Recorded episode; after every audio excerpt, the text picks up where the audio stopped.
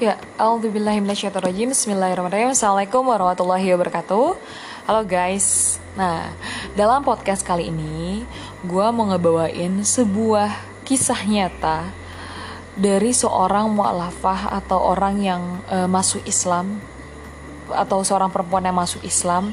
Dan ini ceritanya itu sampai sekarang dari awal gue baca udah bertahun-tahun lalu sampai sekarang itu masih berkesan banget buat gue ceritanya itu bener-bener unik unik banget sih Nah, kalau kita biasanya tahu orang-orang masuk Islam itu karena beberapa atau berbagai macam alasan atau sebab di antaranya kan kebanyakan kayak mungkin mendapati ayat-ayat Al-Quran yang menyentuh hatinya atau membandingkan uh, Islam dengan agama dia sebelumnya dan menemukan kebenaran di Islam. Atau juga karena uh, banyak juga yang peneliti menemukan mujizat ilmiah dari Al-Quran. Dan di sini ini unik banget ya wanita yang masuk Islam ini itu masuk Islam karena apa? Karena perantaraan celana dalam. Nah, kayak gimana kisahnya? Jadi teman-teman, let's check this out. Karena kisah ini itu buat gue pribadi sih berkesan banget ya. Semoga ini juga bisa menginspirasi uh, teman-teman semua. Nah, uh, fakta dari kisah ini itu dikisahkan sama namanya Dr. Soleh uh, beliau itu adalah seorang pengajar di sebuah perguruan tinggi Islam di Saudi yang saat itu beliau uh, pernah ditugaskan ke Inggris. Nah, jadi saat itu uh, beliau ini dapat uh, apa namanya yang ceritain ini yang namanya Dokter Soleh ini. Uh, nah ceritanya tentang mualafah tadi. Jadi mual, uh, wanita ini itu adalah biasa ya nenek-nenek gitu wanita tua yang uh, sudah tua renta beliau tinggal sendiri gitu. Nah biasanya uh, di Inggris itu kayaknya sih nggak cuma di Inggris ya tapi cukup banyak juga di negara-negara maju itu uh, orang-orang tua itu dimasukin ke panti jompo gitu karena memang uh, mungkin anaknya ada kesibukan atau apa gitu ya yang memang uh, sudah uh, sulit mungkin mengurus orang tua mereka dan mereka lebih nyerahin itu ke panti jompo. Nah uh, hidup si wanita ini tuh biasa-biasa aja gitu nggak ada yang terlalu menarik. Uh, udah tua renta pegawainya juga uh, beliau ini adalah petugas laundry gitu ya petugas uh, apa yang ngangkat-ngangkat cucian kotor dan juga hidup sendirian. Uh, jadi kalau kalau orang-orang ketemu beliau ini biasanya beliau cuma bawa kantong plastik berukuran besar yang terisi dengan uh, pakaian kotor gitu. Nah uh, dan walaupun sudah tua tapi e, si ibu ini atau si nenek ini tuh terbilang masih gesit gitu. Karena walaupun udah jompo tapi tetap cekatan untuk kerjaan yang dia handle. Nah udah gitu hari-hari berlalu ya biasa ya. Nah wanita uh, tua ini atau perempuan tua ini itu biasanya lebih suka dipanggil auntie, uh, auntie atau bibi ya kalau di Indonesia gitu. Tante, bibi sih lebih kayak bibi tante. Kan kalau tante kayak biasa lebih muda ya. Nah akhirnya sorry lagi serak. Akhirnya si Bibi ini tuh si Auntie ini tuh bias memang udah lama ya jadi dia udah jadi petugas laundry itu udah lama hampir separuh usianya tuh bertugas jadi uh, apa staff atau petugas laundry ini gitu. Dan syukurnya memang uh, apa perusahaannya atau instansi tempat si Auntie ini bekerja memang uh, para manula udah gitu terus dia ngomong gini nih aku merasa dihargai meski sudah tua. Lagi pula orang-orang seperti aku ini sudah tidak ada yang mengurus. Kalau bukan diri sendiri. Anak-anakku sudah menikah dan tinggal bersama keluarga mereka masing-masing. Suamiku sudah meninggal walaupun anak-anak suka menjenguk tapi aku tetap ingin punya kegiatan sendiri untuk mengisi masa tua kata si onti ini uh, katanya dia bukan untuk kerja yang berat memang tapi setidaknya selalu menambah penghasilan juga mengisi hari tua. Mungkin itu lebih baik daripada harus tinggal di panti jompo gitu. Nah jadi uh, apa namanya uh, terus ini gue juga kayak jadi aware gitu ya, ampun jadi orang tua tuh bukan hal yang mudah gitu ya apalagi udah udah uzur gitu udah renta Nah, terus juga Onti ini bilang, sedih juga kalau harus tinggal sendirian, seperti seorang temanku. Dia juga dulu bekerja sebagai petugas laundry bersamaku, sampai akhirnya anak perempuan satu-satunya menikah. Namun setelah menikah, anak perempuannya itu tidak pernah menghubunginya. Ya ampun, sedih ya. Ya Allah, semoga kita nggak jadi orang yang kayak gini ya guys. Lanjut. Nah, akhirnya hmm, biasanya uh, si Onti ini kan udah uh, petugas laundry dan onti ini ditempatkan itu di sebuah asrama guys. Jadi uh, asrama itu rata-rata isinya kebanyakan mahasiswa dari luar Inggris. Jadi si onti ini udah paham banget nih uh, apa namanya uh, perilaku uh, bukan perilaku ya mungkin kayak kegiatan atau juga aktivitas si uh, mahasiswa-mahasiswa di dalam asrama ini gitu biasanya mereka ada yang belajar ada yang clubbing untuk sekedar having fun karena juga cukup banyak asrama yang memiliki bar, kafe, ruang duduk buat nonton TV, terus juga ruang musik dan fasilitas olahraganya sendiri di tiap asrama kayak gitu ya. Nah, uh, di sini juga apa namanya kalau kita lihat sisi lainnya ya, jadi uh, salah satu sisi negatif kan semua tuh ada sisi positif dan sisi negatif ya. Nah kalau ini sisi negatif pergaulan uh, mungkin anak-anak muda Inggris gitu ya, itu kalau mereka udah biasa ya udah deket sama botol miras itu biasanya minum sampai benar-benar mabok gitu. Dan ya kita ya kita tahu sendiri lah kalau misal mabok apa sih yang terjadi? Biasanya muntah gitu ya di sembarang tempat. Terus juga kadang ada yang sampai maaf pipis gitu ya di sana dan sebagainya gitu. Dan uh, itu kan ya terjadi karena memang saat uh, mabok itu kan akal uh, pikiran tuh udah nggak nggak nor maksudnya bukan nggak normal gimana ya? Ya nggak normal sih nggak berpikir dengan jernih gitu ya. Jadi tindakan-tindakannya kadang out of control gitu.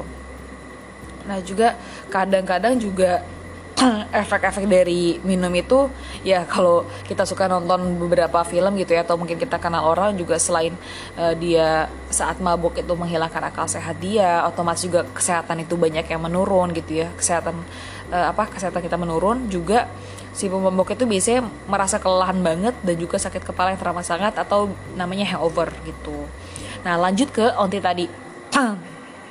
Biasanya uh, kalau misalnya uh, apa namanya si Bibi ini itu si Onti ini tuh memang dia tuh menjalani kerjaannya dengan dengan dedikasi banget ya. Jadi walaupun misalnya dia harus uh, menghadapi mahasiswa mahasiswa yang habis clubbing semalam suntuk ya udah dia ya ngungutin aja gitu pakaian kotor pakaian kotor-kotornya gitu kadang ada yang diangkut dari kamar uh, karena memang si orang ini kondisinya mahasiswa ini susah gitu susah bangun dari tidurnya gitu dan dia harus sortir dengan teliti satu persatu berdasarkan jenis bahan, ukuran, warna dan lebih spesifik lagi. Bahkan dipisahkan uh, pakaian yang lain dengan pakaian dalam gitu.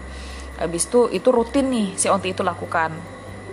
Uh, jadi apa namanya bahkan ya biasa kan kalau misalnya uh, dia nemu pakaian tuh ada yang ya kena terutama yang habis bekas mabuk ya ada kena muntahan kena pipis dan sebagainya gitu uh, terus sampai suatu ketika uh, beliau ini menyadari ada sesuatu hal yang terjadi gitu jadi uh, ada uh, sekelompok mahasiswa baru dari Timur Tengah yang milih tinggal di asrama. Nah ini tuh guys di sana itu kejadiannya tuh agak langka karena biasanya mereka uh, mahasiswa-mahasiswa Timur Tengah itu milih tinggal di rumah atau flat yang sudah disesuaikan untuk menampung kelompok siswa dalam jumlah kecil gitu ya. Uh, pasangan atau keluarga juga. Nah, tapi ini orang-orang ini milih untuk tinggal di asrama karena mereka memang pengen kayak jalin persahabatan dan juga pengen lebih sosialisasi lah gitu dengan dengan lingkungan mereka gitu.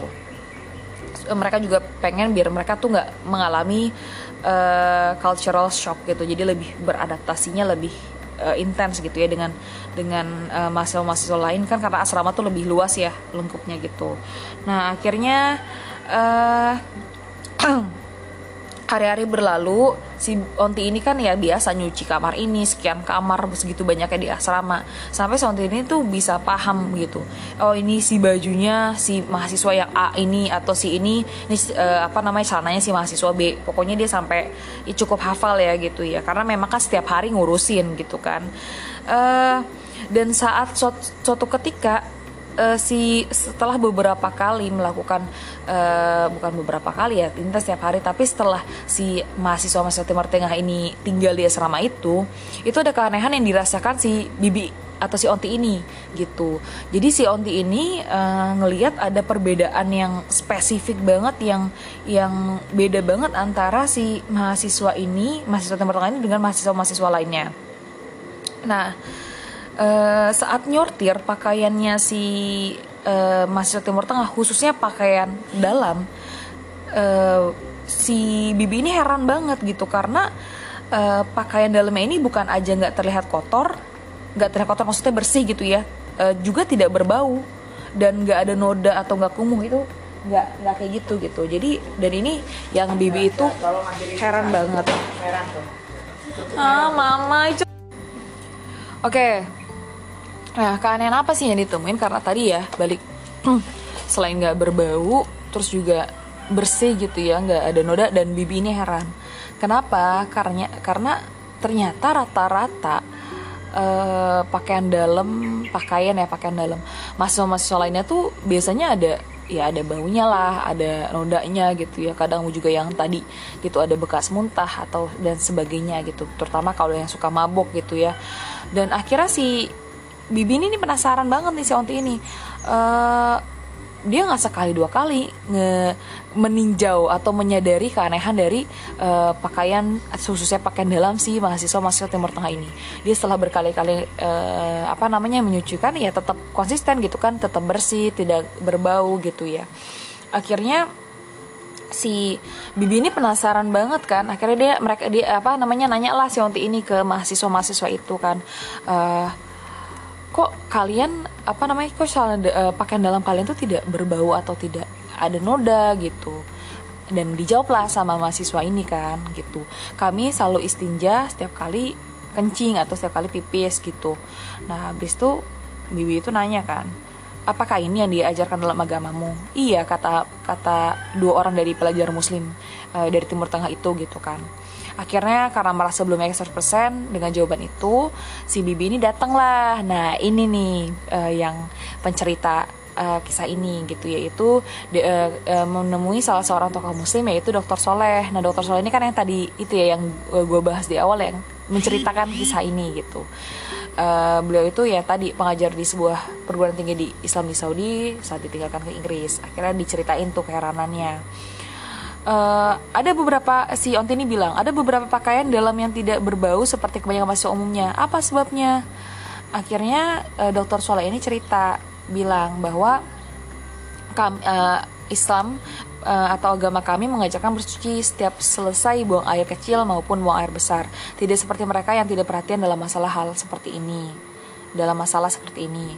Nah, si Onti ini, guys, ternyata tuh terkesan banget, impressing banget, uh, karena untuk hal kecil aja uh, kayak ya seperti bersuci gitu ya, itu diperhatikan banget, apalagi hal besar. Dan gak lama kemudian, akhirnya Onti itu mengikrarkan syahadat, guys, masuk Islam dengan perantaraan celana dalam. Masya Allah. Jadi uh, begitu apa namanya ternyata secara si diam-diam kan si Onti ini masuk Islam ya. Uh, karena beberapa mahasiswa tahu dan dan gempar gitu. Mereka jadi kayak kaget kan karena kebanyakan mahasiswa juga non muslim gitu. Uh, akhirnya mereka juga penasaran mati kenapa si Onti ini masuk Islam ya? gitu. Akhirnya mereka kepo dan akhirnya uh, si Bibi ini kasih tahu gitu karena memang uh, si Onti ini kagum dengan uh, kawan muslim atau si mahasiswa-mahasiswa uh, apa muslim Arab ini karena dari pakaian dalam yang uh, dia cuci gitu karena uh, hanya hanya pakaian dalam milik si uh, mahasiswa muslim dari Timur Tengah inilah yang tidak macam-macam, tidak berbau, tidak kotor gitu. Dan jadi ya itulah guys uh, kisah seorang mualafah yaitu dari seorang wanita yang sudah tua, sudah uzur kesehariannya ha, apa namanya mengisi masa tuanya itu dengan dengan ya uh, menyuci pakaian-pakaian mahasiswa-mahasiswa asrama di Inggris gitu ya. Di salah satu asrama di Inggris dan ternyata uh, Hidayah menyapanya dan juga uh, beliau masuk Islam karena perantaraan celana dalam gitu dan masya Allah ya gue pribadi kayak ya harusnya kita benar-benar menghargai ya setiap setiap ajaran, setiap syariat yang udah Allah atur ke kita. Karena bahkan hal yang kita anggap kecil doang simple banget cebok. Dan itu kan ya memang benar kalau kita ke beberapa negara di negara maju gitu ya. Di Asia kah atau mungkin di Eropa atau di Amerika kita dapati bahwa memang um, mereka tuh pakai air biasanya buat flush doang gitu atau buat nyiram WC tapi untuk ngebersihinnya biasanya pakai tisu gitu. Dan sebersih bersih tisu ya kita sama-sama tahu bahwa air tuh lebih bersih lah gitu ya untuk uh, untuk kita bersuci atau uh, cebok gitu ya guys. Oke gue harap ini semoga bisa menginspirasi untuk gue pribadi juga teman-teman atau kalian yang denger ini. Sorry kalau ada salah-salah kata. Thank you. Assalamualaikum warahmatullahi wabarakatuh